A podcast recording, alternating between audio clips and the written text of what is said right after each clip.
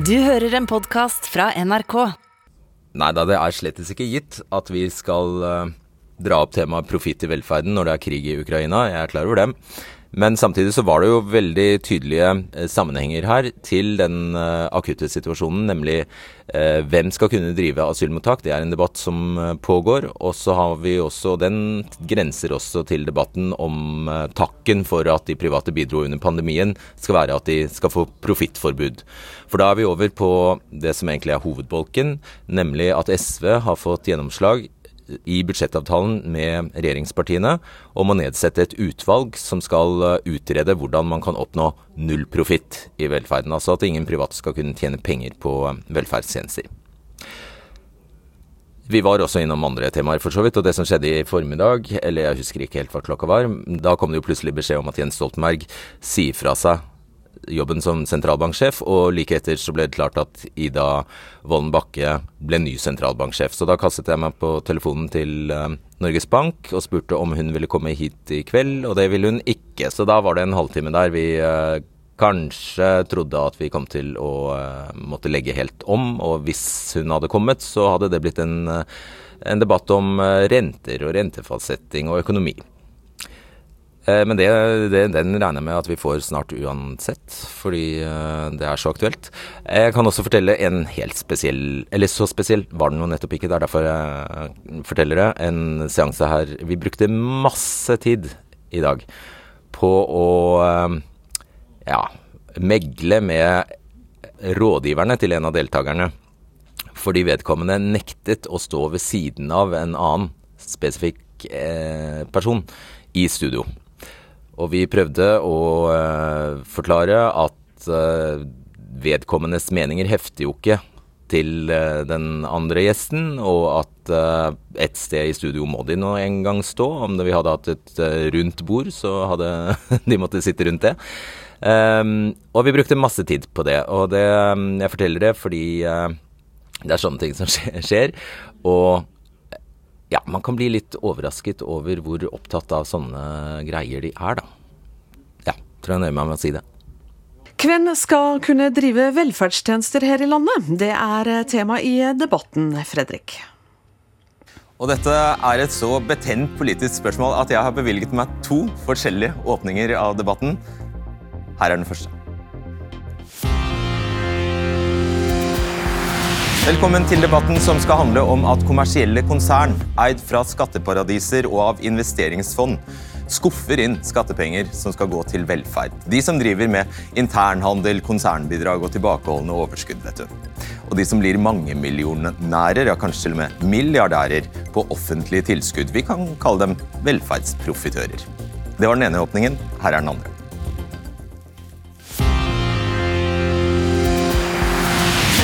Velkommen til debatten som skal handle om de private som stiller opp når det er pandemi med testing og vaksinering. Om de private som er på plass over natta med asylmottak for ukrainere. Og de private som passer barna våre, vi, sånn at vi andre kan gå på jobb. Som får barnevernet til å gå rundt. De samme private som venstresiden vil strupe og kaste på dør. Ja, Velkommen til deg, Tobias Drevland Lund. Du er stortingsrepresentant for eh, Rødt. Hvem skal kunne drive asylmottak i Norge? Jeg likte den første åpninga di best, Fredrik. Rødt mener jo i utgangspunktet at man ikke skal kunne tjene penger på å drive velferdstjenester. Og vi burde ikke heller la kommersielle aktører tjene seg rike på folk på flukt. For til syvende og sist er det det her det handler om. Det handler om hvordan var det vi skapte velferdsstaten Norge, hvordan var det vi bygde ut velferdsordningene våre. Det var jo ikke Norlandia Care Group, det var jo ikke, eh, det var ikke Dr. Drop-In som gjorde det. Men vi gikk sammen i fellesskap og skapte en velferdsstat, og det tror jeg også er løsninga på det her.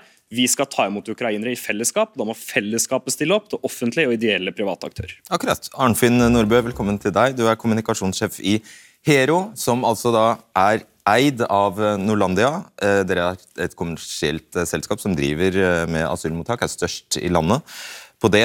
Ja, et, etter forrige flyktningkrise så ble fasit 44 millioner kroner i overskudd for Hero. Det er 3,6 millioner kroner i måneden i overskudd. Hva forteller det deg? Altså, det er jo en, en, del av historien er at det her tjente penger i 2016, og så tapte man millioner i, i, tre år etterpå. Så dette er jo en veldig uforutsigbar sektor der det går veldig opp og ned. og Det er jo derfor at det er veldig klokt av staten å ikke selv ha en enorm beredskap som koster veldig mye, men kunne bruke private og, og kommuner og ideelle, alle som ønsker å bidra da, til å kunne ta de toppene som kommer. Og her hvor vi har drevet asylmottak i 35 år på oppdrag av staten, UDI, eh, og ha et sterkt engasjement for flyktninger. Og vår tidligere nå avdød leder, eh, tidligere faktisk SV, ikke Rødt, men SV-politiker, Arven Boskil kom selv som flyktning. og Det gjenspeiler hele kulturen vår. Vi har et hjerte for flyktningene. Jeg har selv, kan jeg si, og bodd og jobbet i Ukraina i flere år, har et ekte engasjement for at de ukrainerne som er her, skal få et veldig godt tilbud. At de skal få et godt tilbud når de kommer. At tjenestene leveres når tjenestene behøves. og Ikke sånn som Rødt kanskje legger opp til, da, at det private er borte, så har du ikke beredskapen, og så plutselig så er ikke tjenesten der når man behøver det. Emilie Enger justis- og beredskapsminister for Senterpartiet, velkommen. Takk. Vi går tilbake til uh, dette 2015-året, tenker jeg. For det var jo sist, det er egentlig det, det, vi har å sammenligne med her. Altså flyktningeåret. 44 millioner kroner i uh, overskudd for et selskap som Hero. Hva syns du om det? Det var jo en diskusjon etter 2015 eh, om noen hadde skodd seg litt vel mye på den krisen. Og Det er jo erfaringer som man har tatt med seg videre. Og det er gjort noen endringer i hvordan man inngår kontrakter etter det. Og det har opp, jeg har vært opptatt av å forsikre meg om at UDI er oppmerksom på at eh, prisen man betaler skal stå i stil til tjenestene man leverer. Samtidig så har jeg vært helt... Og Hva mener du med det? Det jeg mener med det, er jo at eh, det må være en uh, et overskudd eh, som eh, de private tar ut, eh, som gjør at de får noe betalt for den jobben de stiller opp med, men som ikke gjør at man får en helt uforholdsmessig type utbetalt ja, profitt. La oss forholde oss til det vi vet. da, 44 millioner, er det uforholdsmessig mye? Ja, Det kommer jo an på hvor omfanget av virksomheten de har satt i gang. I det tilfellet vi står i nå, så har vi jo hatt behov for å få masse mottakskapasitet veldig veldig raskt. Da begynte UDI med å henvende seg til de man har kontrakter med fra før, eh, som bl.a. Eh, Hero, som er private, fordi de klarte å levere veldig raskt. Og jeg bare prøver å finne ut hva du egentlig mener. Mener du at de skal tjene litt mindre? 44 millioner er et eh, beløp som sier lite når du står helt alene. Og etter 2015 så mener jeg at eh, det var riktig at det var noen diskusjoner om enkelte aktører som kunne ha skodd seg vel mye på den prisen. Hvorfor formulerer du deg på den måten? Det var riktig det... å ha noen diskusjoner. Kan du ikke bare si hva du mener? Nei, Jeg mener at det ikke må være for mye overskudd, men jeg syns også det er feil med Rødt sin tilnærming, som er at man ikke skal tjene penger på dette i det hele tatt. Eh, både kommunene og de private vil få overskudd hvis de eh, får anbud som innebærer at de, de får det. Og den muligheten mener jeg at vi er helt avhengig av hvis vi skal klare å få kapasiteten. Ja, så jeg prøver å forstå deg. Altså, du, vil, du, mener resultatet de fikk etter forrige flyktningkrise var for godt, så det var for? Da tjente de får Det er ikke bare Hero som er en eh, leverandør her. Nei, det så det er jo et eh, marked. og UDI lyser ut anbud. Det er flere kriterier som vektes der. Det er pris, det er kvalitet. og da må man jo finne en balanse mellom den kvaliteten som leveres, og den prisen staten skal betale. Ja, det er jo en selvfølgelighet. Der, det er en selvfølgelighet, men Rødt sin, sitt alternativ må jo være noe helt annet. For hvis du ikke skal ha anbudsrunde på dette, så ja. betyr jo det at staten må ha offentlig beredskap. Det, hadde, eh, det har vi ikke, det er dyrt. Eh, jeg spør jo, ja, men ikke, ikke sant? Ja, så, så, hadde vi ikke klart å løse de utfordringene. Jeg spør deg jo fordi du, jeg skjønner jo det, men jeg spør deg jo fordi du var ute i Nasjonen i går og sa at du vil begrense profitten til private flyktningemottak. Og da spør jeg jo, som jeg må, hvor mye da? Det jeg sa til eh, Nasjonen, det var at eh, vi må ikke la overskuddet bli for høyt. Og som du har helt rett i, så er jo det et relativt begrep, hva man mener er for høyt. Rødt mener at man ikke skal ha noe overskudd i det hele tatt. Det jeg sa til Nasjonen, var at ja, noe overskudd vi, får man ja, nei, Det må jo stå i stil til det ja, man leverer. Det er jo et spørsmål som man må se i sammenheng med den kontrakten som leveres, og det er tillit til at UDI gjør på en god måte. Ja, uh, ok. Uh, greit, Daniel Sørli, du er gründer og daglig leder i den private legetjenesten Dr. Drop-In. Du har allerede vært på vakt for å avlaste flyktningsituasjonen. Hva, hva skjedde? Ja, Nei, uh, Søndag for ti dager siden så ringte Ullensaker kommune. Eh, de hadde kommet i en akutt krise med flere hundre flyktninger som hadde kommet kjapt. Ehm, den lokale legevakten klarte ikke å ta unna det behovet som var for helsetjenester, og de lurte på om eh, vi hadde mulighet til å stille opp på kort varsel. Så i løpet av et par timers tid så hadde vi etablert en legeklinikk som tok imot eh, flyktningene ute på hotellet i veldig godt samarbeid med eh, de lokale sykepleierne fra legevakten og ambulanse og politi. Og Hva oppga kommunen som grunn til som grunn til at de ringte deg? Nei, de hadde, de hadde, gitt meg et forvarsel i uken i forveien og sa at det er mulig, eh, vi vil trenge bistand fra dere. Og Jeg tror grunnen til at de ringte nettopp eh, meg, var fordi vi også har bistått Ullensak kommune med testing av eh, covid gjennom hele pandemien. Ja, jeg kan jo opplyse om at Det morsomme her er at Ullensaker styres av Arbeiderpartiet. og Der sitter altså Eivind Jørgensen Schumacher og er ordfører. Han var hjertelig invitert hit i kveld, men da han skjønte hva temaet var, så ville han ikke, gitt. Eh, eh, hva, hva, hva, ville han at du helt konkret skulle Litt av historien her er at han ville ikke belaste de kommunale tjenestene når det kommer flyktninger, og da tyr han til private. Det er egentlig det det handler om. Ja, eh, De trengte akutt en ekstra kapasitet for å ta unna det behovet som var, og hadde ikke mulighet til å dekke det selv med den bemanningen som var. Og Det jeg tenker er viktig i denne debatten, her, er om eh, det offentlige virkelig skal bygge opp en kapasitet og en beredskap til å håndtere enhver slik situasjon som, eh, som oppstår. Ja, Mener du at det skal stå tomme asylmottak når det ikke kommer flyktninger? Altså, Vi må jo sørge for at vi har planer eh, for å kunne skalere opp, kaste oss rundt i eh, situasjoner som nå. Nå er vi altfor seint ute, og da skjønner også Rødt at vi må bruke eh, flere aktører. Men så er det viktig for meg å, å oppklare ja, noen begreper her. Ja, ja, det, det, Nei, det betyr at nå er det aller viktigste at vi tar imot flyktningene. Og så må vi se på hvordan politikken skal være på sikt. Skal dette bli enda en gullgruve for kommersielle aktører, slik at de kan tjene seg rike, eller skal dette være så noe nå, som vi tar ansvar for i fellesskap? Ja, så akkurat nå innser Rødt at man trenger de private? Ja, det handler om at uh, Vi har jo ikke hatt en god nok beredskap. Vi har ikke hatt gode nok planer for å skalere opp uh, i offentlig eller privat ideell regi. Men jeg må bare rydde opp i noen begrepsbruk her. for Vi sier jo privat om hverandre, det gjør jo disse her helt bevisst. Men det er veldig stor forskjell på å være en kommersiell aktør som tar ut utbytte fra et overskudd, eller om man er en ideell aktør der, av, altså, der alt går tilbake til drift og går tilbake til gode lønns- og arbeidsvilkår for de ansatte. Det vi ser nå, er en kommersiell ensretting i velferdsstaten. Innenfor sykehjem, innenfor barne, barnehage, men også nå innenfor asyl- og akuttmottak. For at Nasjonen kunne forrige uke skrive at 37 av 43 mottak er jo nå drevet av kommersielle aktører. Hero aller, aller fleste kontraktene. Hvorfor vinner de? Fordi de kan gå lengst ned på pris. Da presser de ut store ideelle aktører som bl.a. Norsk Folkehjelp, Røde Kors og andre, som sier at de ikke går inn i anbudsrunden på asylmottak. Ja, Husker du hva jeg spurte om først? Ja, jeg prøver å si Nei, vi må bruke, jo, vi må bruke uh, alle uh, når vi var, er der vi er nå. Ja, Spørsmålet var altså Flyktninger kommer jo ikke dessverre ja. i en forutsigbar strøm. Nei. Det, har, det, skjønner vi.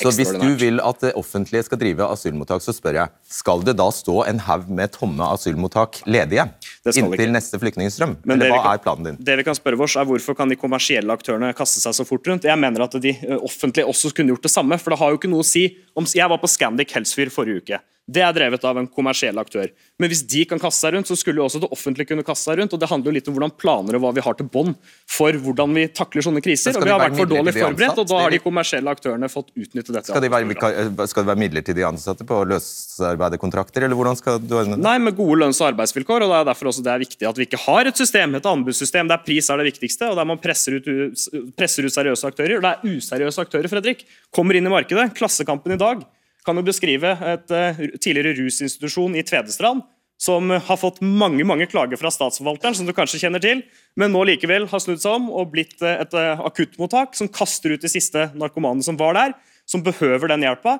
Eh, men nå skal de altså prøve seg inn i asylbusinessbransjen. Og det er useriøse aktører som Hero inngår kontrakter med gang etter gang. Vi må ha større kontroll på hvem som faktisk okay. får disse kontraktene. Jeg, jeg, vet ikke helt hvor vi skal begynne, egentlig. Fordi For det første så er det jo regjeringen som vil legge ned fritt behandlingsvalg, som gjør at rusinstitusjoner må, må, legge ned og finne andre ting å gjøre. Det er det ene. Det andre er at politikere ofte har en, grad til å, en tendens til å snakke om ting de egentlig ikke vet så mye om. Så jeg kan godt si det sånn at jeg tror ikke ut i det hele tatt nesten har sett så mye på pris nå. Det handler om at Hero og andre har klart veldig raskt å snu seg rundt og levere innenfor det, og ikke kommunene? Nei, jeg vet ikke. jeg Med en gang vi så det var i krig, og nesten før vi så at det ble krise, hadde vi beredskapsmøter, og vi satt i Hero og planla for hvor vi kunne starte. Vi snakket med tidligere ansatte, huseiere, vi begynte å legge planer eh, og var tidlig ute. Jeg tror private har et insentiv til å til å levere. Og vi har i tillegg så har vi et samfunnsoppdrag som vi har tatt på alvor i mange år for UDI, og de stoler på oss. Og, og, vi ønsker å vise at vi er til å stole på, at de kan lite på oss, at vi løser problemene når de Og det insentivet, det heter penger. Ja. Og det heter å hjelpe, og det heter ja. å ha Det går an å ha flere altså, Du kan både ha et ønske om å tjene penger og gjøre godt, og det kan jeg love deg at våre ansatte så jeg er veldig stolt over. Ja, jeg det sto i nei, men Hvis Rødt kanskje, kanskje skulle få invitert de til å komme og så fått se hvordan ansatte hos oss brenner for flyktningene og brenner for saken og har gjort det i 35 år, så skulle det blitt forhåpentligvis uh, nådd hjertet ditt òg, uh, Tobias Revland. Drevland. Ja, altså Jeg møtte jo de flotte ansatte på Scandic Helsfyr i forrige uke. Det er veldig flotte folk, men så sitter jo Adolfsen-brødrene på toppen og eier det konsernet som du også jobber for, og skuffer inn 9,7 milliarder kroner er de gode for. Og jeg tenker at Når velferd har blitt butikk, det er ikke som å drive en viss annen butikk. Jeg har jobba i butikk sjøl. Det er annerledes å selge melk og brød og det å ta seg av sårbare mennesker. Kanskje noen av verdens mest sårbare mennesker som disse flyktningene er. Da må du ha en intensjon om å faktisk hjelpe. Da må det være intensjonen om å faktisk hjelpe mennesker, ikke å tjene seg rike, sånn som noen av dine er. Jeg vet ikke hvorfor du er så sint, men jeg skal bare veldig raskt si at i snitt de siste ti årene har Hero hatt et snitt på 2,5% overskudd, og tapte òg millioner tre år etter hverandre etter den forrige. Og det er, det er det. Altså, vi skal snakke om det uh, senere her. Velferdstjenesteutvalget la fram en rapport for drøyt et år siden som nettopp så så på, eh, så på eh, private aktørers rolle innen velferd. Og De konkluderer med når det gjelder asylmottak, at der går det jo sånn. Og inntjeningen til asylmottakene den går sånn. Den følger egentlig flyktninge, flyktningene. Det gjør det. Ja, vi, og, og, når det er sånn, så betyr det at nå, når det kommer mange flyktninger, da blir det Klondyke. Sånn er det. Nå, i den situasjonen vi står i, så har vi jo en flyktningkrise som er større enn eh, Norge har opplevd før, sannsynligvis. Da har regjeringen vært opptatt av at vi må spille på alle de gode kreftene i samfunnet. Vi må ha med de private, som faktisk er en viktig ressurs her nå. Og så tror jeg alle er enige om jeg tror nesten alle sider her kan være enige om at eh, de private ikke må eh, tjene så mye at folk eh, begynner å rynke på nesa av det. ikke sant? Det er jo, og det er jo det som ligger til grunn for de kontraktene UDI inngår. men Uten de private så hadde vi sannsynligvis ikke klart å skaffe så mye mottaksplasser som vi har gjort nå. Så må vi også ha med det offentlige og de ideelle. og Derfor eh, så gjorde de det sånn at i den første anbudsrunden gikk ut, skaffa 8000 plasser veldig raskt. Jeg er veldig glad for det, for det betyr at vi nå har et sted å hjelpe de eh, over 9000 flyktningene som ifølge politiet allerede har kommet eh, hit. Mange av de er i private hjem. Og så har de i runde to, som også allerede er avslutta, så gikk de ut og sa kommuner, ideelle, meld dere, vi ønsker alle inn her. Eh, og, og, det er sånn at Vi må jobbe sammen. Vi kan ikke være så unyanserte som Rødt legger opp til. Da hadde vi ikke klart Men Ønsker du at flere kommuner skal drive med holdt på å si, helårsgeskjeft eh, asylmottak? Nei, jeg tror ikke det er eh, liv laga for å ha beredskap for 100 000 flyktninger eh, i en, eh, over år hvor vi har hatt eh, mange færre enn det. Rødt vil jo også ha et mye høyere antall flyktninger til Norge på generelt grunnlag. Ja. Så det hører jo med til debatten. Ja. Eh, nå har vi hatt historisk lave ankomster, og det hadde vært en veldig veldig høy kostnad for staten om vi skulle hatt beredskap for Men da, dette. Da hører jeg at du vil ha et system basert på private, du vil bare at de skal tjene litt mindre. Jeg vil ha et, basert, vil jeg vil ha et, jeg vil ha et system hvor vi spiller på de offentlige, de ideelle og de private, og ikke minst frivilligheten, som også er, er viktig her. Det er jo som ønsker seg godt vær. Altså, hvem vil ikke det? Ja, men I den krisen vi står i nå, så ser vi at alle disse er viktige. Vi har jo eh, mottakssenteret på Råde f.eks., eh, som, eh, som, hvor du har både private aktører, du har Sivilforsvaret, du har politiet som jobber sammen. og Det er vi nødt til å klare hvis vi skal løse denne krisen. Du, Daniel Sørli, Pandemien er også et stikkord her. Eh, alle som sneiet innom Gardermoen, eh, så jo at du tjente penger? Eh, ja, vi hadde et stort oppdrag for Ullensaker på Gardermoen. Eh, men jeg stiller meg altså undrende til om det er eh, mest nyttig og det beste for skattebetalerne om det skulle vært en offentlig beredskap for til enhver tid være klar for å ta imot opptil 10 000 mennesker om dagen som kanskje har fått et virus i utlandet. Ja, så, men, men ingen, altså, så her mener du egentlig som gjeld at, at, her er alt bare fryd og gammen? Alle får sitt, og alle er fornøyde? I dialogen vi har hatt med de kommunene vi har levert tjenester til, så har vi eh, vunnet eh, Vi har fått de kontraktene fordi vi har vunnet anbudsrunder som er godt skrevet av det offentlige. Og det offentlige har fått den aller, aller beste prisen for de tjenestene eh, fra oss. Det er ingen andre som har fått så gode priser som det det offentlige har fått eh, gjennom pandemien. Jeg har jo lyst til å legge til at det er jo, Jeg er faktisk litt enig med justisministeren at det er ingen som ønsker heller ikke privat at det skal være veldig store overskudd. Det må være et visst overskudd, men det må være edruelig. Men så må private ha en viss drift i bunn for å kunne trå til i sånne eh, situasjoner som nå, for å trå til i beredskapen. Det gjelder Dr. Droppen, det gjelder oss. Hvis vi ikke har noe drift fra før, så kan vi ikke trå til nå. Så det er viktig at private ikke utraderes sånn som Rødt ønsker.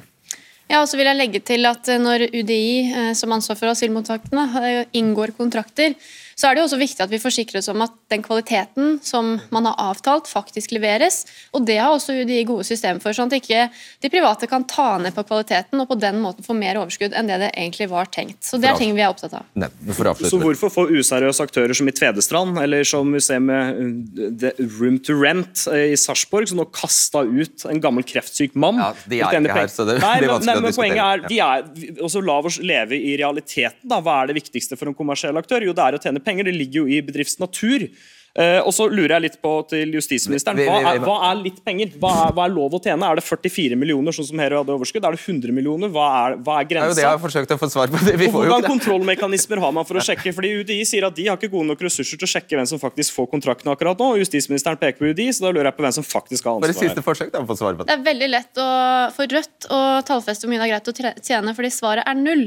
Men når man inngår kontrakter på anbud, så vil jo det naturligvis variere, eh, fordi at det er forhandlinger mellom selskapene og UDI, eller kommunene og UDI, eh, hvor begge parter har en interesse av at man blir enige om noe som eh, gjør at man skal levere tjenester av kvalitet, og at, at, eh, UDI eller staten da, betaler for den kvaliteten som leveres. Kan jeg raskt opplyse Rødt om at, at, UDI er en veldig profesjonell innkjøper som er veldig flink faktisk å holde marginene veldig lave. Ok, Da gjør vi et skifte her. Tusen takk skal dere ha.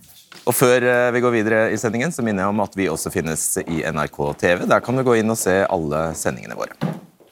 I budsjettavtalen mellom SV og regjeringen står det at det innen mars 2022, altså egentlig nå, skal nedsettes et offentlig utvalg som skal utrede hvordan kommersiell drift kan utfases i ulike skattefinansierte velferdstjenester, og legge fram en egen nullprofittmodell for hver sånn sektor. Men det er som jeg sa her, bare et drøyt år siden et offentlig utvalg la fram en 600 sider lang rapport om nettopp private aktører i velferdsstaten. Og Der kom det fram bl.a. at det offentlige kjøper inn velferdstjenester for 30 milliarder i året av private. Og som vi kan se her, så utgjør private ca. 10-11% innen spesialisthelsetjenester, det er jo sykehus, da, eh, og kommunale helse- og omsorgstjenester. Og så er nesten halvparten av barnehagene våre private. Så godt som alle arbeidsmarkedstiltak drives av private. 9% av friskolene drives av private. Og halvparten av drøyt halvparten av eh, asylmottakene drives av private. Og Før vi fortsetter debatten her, så er det også greit å ha med seg at de kommersielle aktørene står for da eh, rundt 11 eh, Det er den lyseblå og den grønne feltet i kaka her. Ca. 11% av driftsinntektene til Velferds-Norge. De om lag 1200 private Jeg vet, vet det blir mye tall her, men De drøyt 1200 eh, private aktørene fikk i 2018 et samlet overskudd, det var alle sammen, etter skatt på 1,1 milliard kroner. Og så til slutt. Hva tjener de? Ja, det viser seg at hvis man ser på driftsmargin, så tjente disse foretakene sånn ca. 4 kroner i snitt per 100 kroner de omsatte for. Og driftsmargin det betyr altså, at, eh, altså hvor mye selskapet sitter igjen med eh, etter kostnader. Eh, så vi ser her at det er faktisk det er mest penger å tjene innen barnehager og spesialisthelsetjenester, og ikke fullt så mye innen asylmottak og kommunale helse- og omsorgstjenester. Og så er det veldig mange måter å regne lønnsomhet på, og det regner jeg også med at vi kommer innom nå. Kirsti Bergstø, du er nestleder i Sosialistisk Venstreparti. Det er dere som har fått gjennom dette kravet om et nytt utvalg. Mm. Rett etter at et, eh, du har brukt masse skattepenger på å finansiere et utvalg som skrev en 600 siders rapport. Hvorfor? Altså det forrige utvalget, velferdstjenesteutvalget, det, det handla jo om å gå gjennom eh, pengestrømmene, forfølge dem, se hva de brukes til, og som slo fast at 1,1 milliard brukes til eh, kommersielle private. Og det det var jo et arbeid som eh, kom i stand eh, fordi SV var utålmodig og eh, krevde at her går man pengene etter i, sømmene og ser hvor de blir av. Hva er det av skattepengene våre som ender opp i skatteparadis, og hva er det som går til velferd. Men det utvalget som skal settes ned nå, det er jo et helt annet type utvalg. Eh, fordi eh, der eh, har vi fått gjennomslag i budsjettavtalen med regjeringa at vi skal sette ned et utvalg som rent konkret skal se hvordan man kan eh, lage nettopp nullprofittmodeller i velferden. Hvordan skal vi ha et regelverk for barnehager der det ikke er lov å ta ut profitt? Hvordan skal det se ut for, eh, for, for eh, du vil ha en oppskrift, en dreiebok, Nei, på hvordan du kan gjøre det? Ja, ikke bare det. Vi skal rett og slett gå rett i kjerna og få svarene. Og det er eh, rett og slett fordi at det vi er nødt til å gjøre. Se på barnevern, se på helse, se på barnehager. Og det utgangspunktet vårt, det er jo at omsorg og omsetning, at eh, barnehager, bestemor og butikk, det henger ikke sammen. Velferd og profitt, det er ikke noe som henger i hop. Men vi er nødt til å se på lovene. Hvordan er det vi skal gjøre det, rent konkret og i praksis. Og det skal det utvalget gjøre. Ja, Du vil ha en oppskrift. Eh, Ole Erik Almli, du er administrerende direktør i NHO. Hva mener du bør, eh, Hvilken skjebne bør dette, utvalget lide? Nei, Vi har sagt at dette utvalget bør legges bort. Vi ser det godt på oversikten din her, og vi hører det også når vi møter dr. Drop-in og Hero, at vi har jo mange som bidrar til å løse velferdsutfordringene i dag. Vi så det under koronaen, hvor testing, sporing, vaksine ble gjort av private. Godt samarbeid med offentlige. Så Derfor så sier vi hvorfor i all verden begynne å jobbe med velferdsutfordringene ved å ta bort de som skal hjelpe til? Og hvorfor ha slike prinsipper at du ikke skal ha overskudd? Jeg vokste opp i et samfunn hvor jeg hadde en bedrift som gikk i overskudd i mange år. Den viktigste bedriften der, det var velstand. Så begynte den å gå nedom og hjem, og det var et samfunn som ble utmattet. Så han sier, hvis det er problem med overskudd, prøv underskudd. Så vi er nødt til å jobbe med disse tjenestene, og ikke mot dem. Uh, Cecilie Myrseth, du er stortingsrepresentant for eh, Arbeiderpartiet. Er det virkelig Arbeiderpartiets politikk å kommunalisere og at det offentlige skal drive alle barnehager her i landet? Det er Arbeiderpartiet sin politikk at vi skal bruke så mye som mulig av fellesskapet sine midler til å gi gode velferdstjenester til folk i hele landet. Vil du prøve en det, gang til? Er det Arbeiderpartiets politikk Nei, jeg står, en, står, fremdeles på det jeg sa. Det er viktig å eh, bruke eh, fellesskapet sine midler riktig. Eh, og det mener vi at styres best av kommunestyrer, av storting, av politiske vedtak, i stedet for mange styrerom. Så hva mener du dette utvalget skal gjøre, da? Altså, nå kommer dette utvalget, og mandatet og sammensetninga er, på, er på, på trappen. Eh, og Da vil vi jo få eh, en del svar, muligheter, som vi da eventuelt skal ta, eller som vi skal ta stilling til når det kommer. Og så er det jo veldig mange ulike sektorer her som har ulike finansieringer, ulike innslag av eh, private aktører. Men det aller viktigste for Arbeiderpartiet, det vi har gått til valg på også, det er jo å stoppe den privatiseringsiveren som den forrige regjeringa hadde, eh, som vi nå ønsker å heller styrke de eh, offentlige sykehusene, lokalsykehusene, eh, og gi tilbud til alle. Bare hjelp oss og velgerne å forstå. Hva er forskjellen på dere? Men nå er vi enige om at vi skal sette ned et utvalg. Det er jo en avtale. Ja, det er det åpenbart ja. men hvor, det, når det gjelder hva det utvalget skal føre til, hvor er dere uenige? Ja, nå må jo først utvalget få lov til å legge, få, bli satt sammen også få på plass det mandatet. Så kan vi jo diskutere om man er enig eller uenig i mandatet når det er lagt på bordet. Ja, Mener dere ingenting? Men Mandatet må jo først komme, vi må jo se hva som står i mandatet før vi kan se hva man er eventuelt og, og det er jo det som er interessant her. fordi at Det vi har fått gjennomslag for, det er at man skal sette ned et utvalg man skal jobbe frem nullprofittmodeller. Da får vi svaret på hvordan eh, det politiske grepene må tas. Om vi er enige om de politiske grepene for fremtida, det tenker vi får ta flere debattrunder om. Man kan jo, eh, spørsmålet er jo såre enkelt. Er dere enige, dere to, om at det skal være nullprofitt i velferden? Ja eller nei? Nei, altså Vi har jo en annen linje der. Vi er nok ikke like religiøse på det. Eh, men poenget her eh, er jo at vi har jo vunnet et valg også på et linjeskifte når det kommer til hvordan vi bruker de offentlige pengene på velferd. Okay, ja, De er på glid. Takk, takk, for svaret. Det var, det var egentlig oppklarende. Vær så god. Ja. Kari, Kari, Lise Jacobsen Eidjar, du er daglig leder ved den private medisinske klinikken Legevakt Vest. Eh, og du er fastlege og spesialist i allmennmedisin. Ja. Hva, syns du, eh, hva syns du om dette her? Et jeg utvalg er det eh, jeg syns det er trist hvis dette resulterer i at vi mister det private tilbudet. Og jeg syns det er fryktelig trist for pasientene våre. Vi har i mer enn 30 år hatt et todelt eh, helsevesen. Og man kan mene hva man vil om kommersielle aktører, men det som er sikkert er at vi har hatt en utrolig god utvikling disse 30 årene. Jeg har jobba som lege i mer enn 20 år av disse årene. Jeg har én fot i begge leire, og jeg ser fordelene og svakhetene hos begge. Men det som er uomtvistelig, det er at vi har sammen fått på plass et økt helsetilbud. Vi har økt levealderen, vi har økt livskvalitet. Men én ting er viktig for meg å si, fordi jeg opplever at dette er en, et uheldig innspill. Jeg opplever at vi nå går inn i en innmari uheldig polarisering, for plutselig så dreier det seg nå om dere, så dreier det seg om vi, og det dreier seg ikke om oss. Og det som er sikkert, det er at vi har med oss Gerhardsen i ryggraden, alle vi som bor i Norge. Vi har med oss sosialdemokratiske tankesettet i frontalkorteks.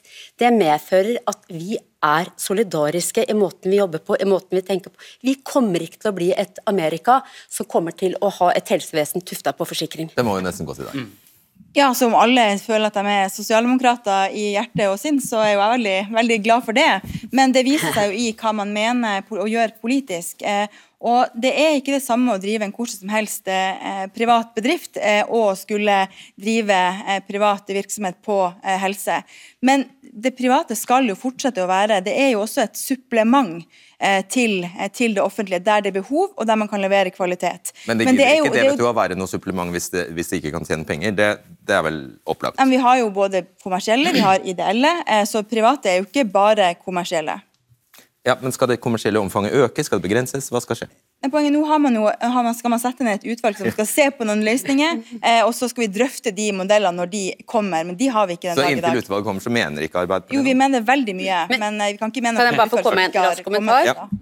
Det denne pandemien har vist oss til det fulle, det er at sammen er vi gull. Ja. Vi har fått til noe helt fantastisk. Vi har kanskje vært det landet i verden som har kommet best ut av det, nettopp fordi private og offentlige aktører har samarbeidet. Okay. Og det å ikke ta med seg det, men da å starte med å skulle lage et utvalg og vurdere å legge vekk tjenesten, det er for meg helt komplett uforståelig. Linn Herning, velkommen til deg, daglig leder i For velferdsstaten og forfatter av boka 'Velferdsprofitørene', mm. som er et uh, begrep man etter hvert, uh, eller mange, har festet på en del aktører. Ser du noen her som er det? Ja, ja altså, Her kan man på en måte si at det illustrerer to ulike utfordringer. Da. Sånn som jeg, Ut ifra det jeg har forstått, så, så, så driver eh, eh, Oslo eh, lege... Legevakt Vest. Legevakt Vest, Oslo Legevakt Vest, ja. Eh, driver et helprivat tilbud. Og det har aldri vært en del av den debatten som jeg har ønska å reise. Det er mer aktører som, som Aleris. Eh, og noe av poenget med velferdsprofitørbegrepet er jo å bryte opp den debatten uh, hvor man snakker om de private. Uh, og der syns jeg Aleris er et godt eksempel. Nå står vi her med, med direktøren fra Aleris i studio. Jeg skulle veldig gjerne hatt eierne her. Eierne stiller aldri opp i debatt. Aleris er eid av oppkjøpsfondet Triton, som opererer fra skatteparadisene Jersey og Luxembourg, og de er ikke interessert i å være med i norsk debatt. Og Det er ett av mange problemstillinger rundt at vi har fått en ganske dramatisk kommersialisering av norsk velferd. Og det er helt andre aktører vi snakker om i dag, enn de som har vært i velferdsstaten over mange år. Ja, Da skal du få svare. Takk for at du er her. da. I det, i det eh, Anita Tunhold, du er altså administrerende direktør i Aleris. Hva forteller det deg at dere er eid fra, av Triton? Jeg tenker at det er en eh, bra ting at noen er interessert i å investere i norsk helsetjeneste. Det skal vi være glade for. Om de sitter på Jersey? Om de sitter på Jersey. Vi har sykehus og medisinske sentre over hele Norge. Og eh, vi leverer helsetjenester til samtlige av de fire helsefor regionale helseforetakene. Men først og fremst er det stadig flere private pasienter som kommer til oss. Eh, enten at de betaler selv, eller at de kommer med sin helseforsikring. Og mange av dem sier at de kommer til oss fordi at vi leverer veldig god kvalitet, god pasientbehandling. Um, og de har lyst til å komme til de dyktige legene som er hos oss. Men akkurat nå så er det også veldig mange som sier at uh, de kommer fordi det er så veldig lenge, lenge å vente i den offentlige helsetjenesten. Så kommer dere bare og alltid i tillegg til? I det vil si, men, Med, med, man, Dere fortrenger aldri offentlige helsetjenester, dere. Dere kommer bare på toppen, liksom. Jeg mener at vi hjelper til og tar unna de pasientene som det offentlige selv ikke klarer å ta, og eh, vi bidrar til en enda bedre helsetjeneste. Er det her uenigheten egentlig er? Eh, det er mange uenigheter, tror jeg. Vi tar noen av Ja. Eh, Nei, men eh, en av de altså, Jeg vil litt tilbake igjen til det velferdstjenesteutvalget som du har henvist til flere ganger. fordi det var en utredning på 600 sider, og jeg tror kanskje ikke det er så mange som har lest alle. jeg har det. Men et av de hovedpoengene der for du henviste til inntjeningstall og, og sånt nå. Det var at vi har faktisk ikke innsyn i pengestrømmene. Du setter altså ned et offentlig utvalg for å finne ut av pengestrømmene. Stortinget vil vite pengestrømmene i disse firmaene og konkludere med at det kan de ikke finne ut av. Det eneste de får, det er noen marginer, men vi vet ikke hvor mye på en måte penger som er forsvunnet før vi kommer, før vi kommer til driftsmargin. Og Det betyr at de tallene som, som du viste til her, er på en måte, det er det beste de har, vi har, men de er ganske dårlige. Ja, og De skriver dette utvalget at de klarer ikke å finne en superprofitt. Eh, ja, De klarer ikke å finne størrelsen på profitten, og derfor så kan de heller ikke estimere hvor, hvor, om det skal kalles superprofitt eller ikke. Tunnel først. Eh, Vi driver en lavmarginbedrift, eh, og vi har en eh, driftsmargin på under 3% Det er vel under halvparten av det gjennomsnittet av norske bedrifter har. Um, Og ja, vi har utenlandske eiere, men nei, de tar ikke ut utbytte. De reinvesterer heller de pengene inn i, eh, inn, tilbake inn i Aleris, så vi kan hjelpe enda flere pasienter. Jeg har akkurat kommet hjem fra Bodø, der vi har vært annonsert at vi skal bygge et nytt sykehus der oppe, for de er en landsdel med stort behov for helsetjenester. Men det jeg viste i sted, Tunnel, var jo at det er nettopp i spesialisthelsetjenesten det er faktisk størst driftsmargin. Og det er ut fra de offisielle, eller de tallene som er tilgjengelige. Ja, litt- 6, over 6, over 6 der, så det betyr jo Hva er det oljefondet regner med å få tilbake? Det er 3% er det de regner med å få? Ja, vi-. Så det er ganske godt, da. 6 Vi er, vi er 3 under 3 så jeg, det snittet kan ikke jeg uttale meg om. Bransjen. Ja, ok. Og så Ja, det, det, Ja, som, og som privat aktør, vi tar en stor eh, risiko. Vi vant et anbud for Oslo kommune, hatt hovedansvaret for den mobile testinga i Oslo. Vi hadde en garanti på 100 betalte tester i uka. Vi satt og var pålagt å svare til fluktuasjonene i pandemien hele veien. Vi tapte to millioner kroner i fjor høst. Det er mye penger for en liten bedrift som oss. Og vi, vi, og vi de kunne kosta oss skjorta, men det er en risiko man tar. For oss har dette endt bra. Vi har gått ut på plussiden. Penger vi nå kan investere og videreutvikle oss. Hvor mye da? Hvor bra har det gått? Eh, Tallene er snart ferdig. Så, men vi har tjent gode penger, og ca. 50% av det kommer fra inntjening til Oslo kommune. Jeg er kjempestolt av det. Det gjør, gir oss mulighet til nå om få uker etablere Norges første bedriftslegevakt. Vi skal ansette flere folk, flere penger går tilbake, og vi kan tilby enda bedre legetjenester og bedriftshelsetjenester. Så dere hadde ikke gått rundt uten Oslo kommune? Jo, det hadde vi. Okay. Det hadde vi. Eh, eh, Berg, Bergstø, hva vil du si om det, om det dreier seg om flyktningkrise nå, da, eller det dreide seg om pandemien? Hva vil du si til de private som faktisk stilte opp og utførte tjenester som samfunnet var helt avhengig av? hvordan vi skal bygge opp eh, beredskap og fellesskap, det er noe annet enn hva er det man er nødt til å gjøre akutt i en pandemi. Eh, og så er det ikke sånn at SV kritiserer dem for sitt arbeid. Det vi gjør, det er å ville endre regelverket, sånn at det ikke er mulig å ta ut profitt. For spørsmålet er hva er det vi skal med velferden? Jo, vi skal dekke noen grunnleggende behov. Vi skal eh, sørge for at behovet for helsehjelp, omsorg, eh, blir ivaretatt. Og Jeg har selv vært barnevernsleder i en liten distriktskommune, der det har vært kjempetøft å bygge opp gode tjenester, men der det har rulla ut med gode eh, tilbud på glansa papir fra de store kommersielle aktørene. Og Problemet er at veldig stor del av offentlig sektor nettopp har gått den veien. Og Det er derfor vi er nødt til å ruste opp i fellesskap, fordi vi vet at det er da vi investerer i egne folk, det er da vi har politisk kontroll, og det er da vi vet at hver krone som settes av til velferd, hver krone som settes av til barnevernsbarn, går til ungene, ikke barnevernsbaronene. Og det er det vi vil sikre. Men jeg synes Bergstø er inne på et veldig godt poeng. Hva kan vi få av tjenester? Jeg tror debatten bør dreie seg like mye om det. For det vi ser da er hvordan private bidrar til at folk flest som følger oss her, får gode tjenester.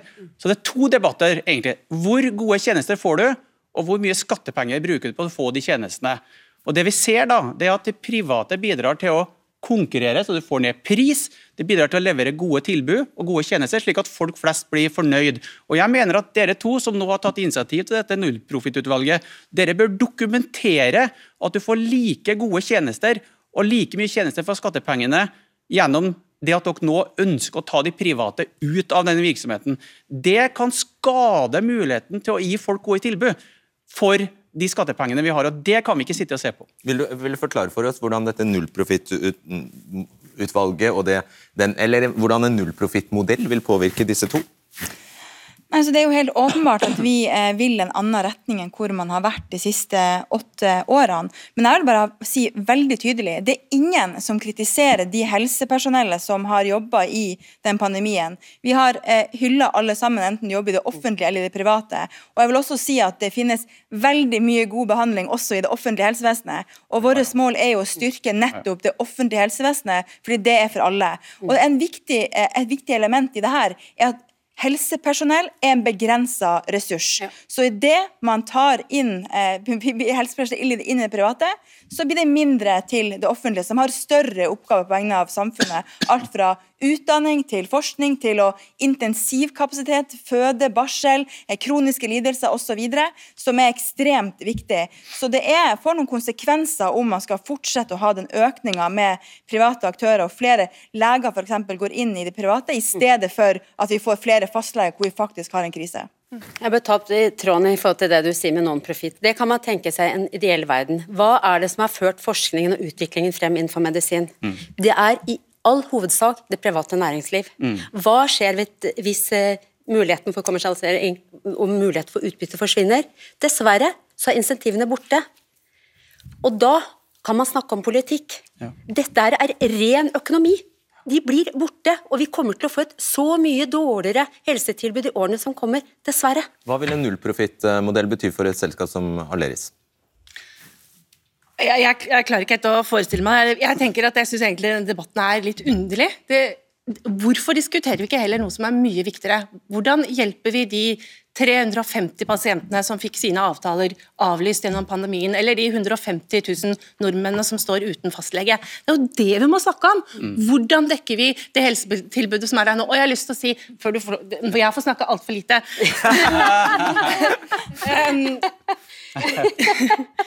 Vi har vist at vi kan levere helsetjenester av god kvalitet til en lavere penge, lavere pris, billigere enn det de offentlige sykehusene gjør på enkelte områder. Det handler også om å få mer helse ut av hver, hver krone. og Helseminister Kjerkol har jo også sagt at det er riktig og viktig å benytte seg av private som oss, der vi kan hjelpe til. Nå må vi diskutere hvordan vi på best mulig måte skal ta i bruk alle gode krefter for å hjelpe de pasientene som trenger oss. Vi gjør jo det i dag. Jeg, jeg tror også vi må, vi må, spørre oss hvilke krefter vi vil at skal være med. og jeg... Eh, jeg syns det er interessant at man skryter av å ha fått ned prisen uten å si hvordan man får ned den prisen. Fordi den, altså helsetjenester og velferdstjenester handler i veldig stor grad om folk som hjelper folk. Og det vi ser, er at det aller tydeligste konsekvensen av kommersialisering av velferden, det er at det går utover de som jobber i disse tjenestene. Det presses på lønn, det presses på pensjon. Og hvis vi skal rekruttere helsepersonell framover, så tror jeg ikke det er en god strategi. Og så må jeg få arrestere Aleris-direktøren på én ting som er en gjenganger i denne debatten her, og du sier vi tar ikke utbytte. Et internasjonalt finansfond er helt uinteressert i et årlig utbytte. Det er derfor vi snakker om profitt, for det er en mye bredere Det er mange måter å hente penger ut på. Utbytte er bare en av de, og jeg syns det er provoserende at man i en debatt på en måte fremstiller det som om man ikke tar ut penger. Det er provoserende. Ja, det, det gikk så direkte på deg, så det må du svare på. Eh, det er sånn det er. Altså, har, jeg opplever at vi har veldig gode eiere som er opptatt av at vi skal levere god, god pasientbehandling og tjenester av høy kvalitet. Det er, den, det er, den, beste måten at Aleris stiger i verdi på, og det er det de ønsker. Og Hvis ikke vi leverer kvalitet, så vil ikke pasientene velge oss ved neste korsvei, og oppdragsgiverne vil heller ikke velge oss. Er det sant det her, at de har dårligere lønns- og arbeidsvilkår? Det der er ikke sant. Nei, det er, og det er så mange påstander som kommer til debatten som vi må slå tilbake på. Velferds Tjenesteutvalget har vist at det er i noen tilfeller lavere lønn, i andre tilfeller høyere lønn. Våre ansatte, våre og arbeidsvilkår, arbeidsvilkårene er gode. Så jeg tror at vi må vri denne debatten og bort ifra de der påstandene der til hva er det vi skal tilby de som bor i Norge. Vil du supplere Jeg, bare, jeg er så lei av å bli fremstilt eh, Eller at vi som private aktører mm. blir fremstilt som noen grådige beist.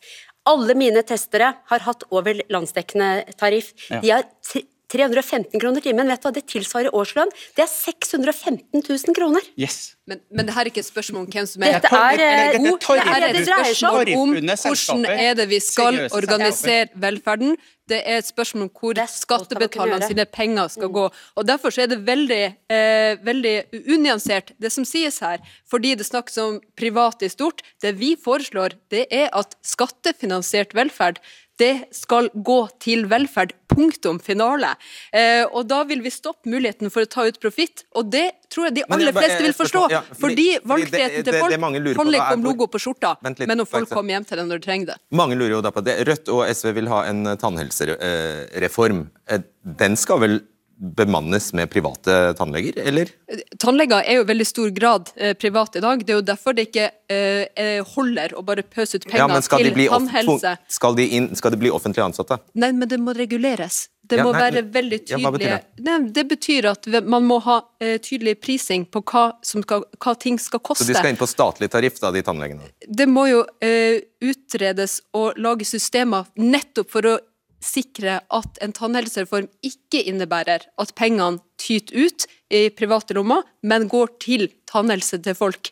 Eh, og Det er jo derfor vi begynner gradvis. På, ikke sant? Eh, tannleger tjener jo ganske bra. Hvorfor skulle de ville være med på reformen din hvis de tvinges inn på en statlig tariff? Fordi tannleger ønsker å styrke eh, tannhelsetjenesten. Og jeg tror det fantastiske helsepersonellet som fremheves her, ikke vil slutte å være helsepersonell om man sier at eh, profitt i velferd eh, ikke skal være måten vi driver velferden på, fordi vi får mer igjen om vi bruker pengene til det vi har satt dem av til.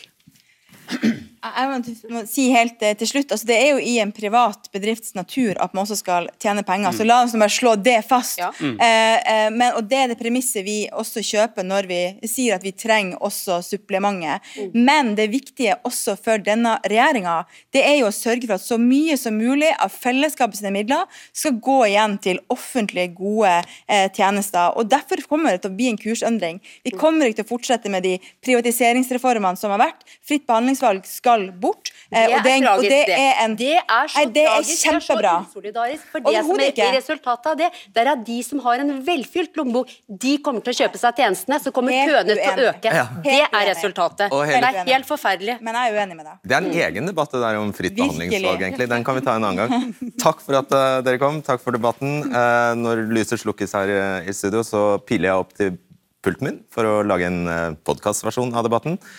Eh, og der sier jeg litt om hvordan denne sendingen ble til. Vi ses på tirsdag. Jeg håper vi fikk fram de klare ideologiske motsetningene her. Og det var et bevisst valg fra oss å ikke ha med politikere fra høyresiden. Det gjorde vi fordi argumentene deres i all hovedsak vil, ville bli dekt av de aktørene som faktisk er under angrep, som vi inviterte. Så vi prioriterte på den måten den gangen her. Jeg skjønner det at eh, partiene gjerne skulle vært til stede, og, men dette var et eh, helt bevisst grep fra vår side. Det er venstrepartiene som utfordrer, og de utfordrer konkret disse aktørene. De vil jo ikke at de skal kunne drive næring. Så, eh, vi synes så det er begrunnelsen for det valget. Ok, da gjenstår det bare for meg å ønske god helg. Ha det bra. Du har hørt en podkast fra NRK. De nyeste episodene hører du først i appen NRK Radio.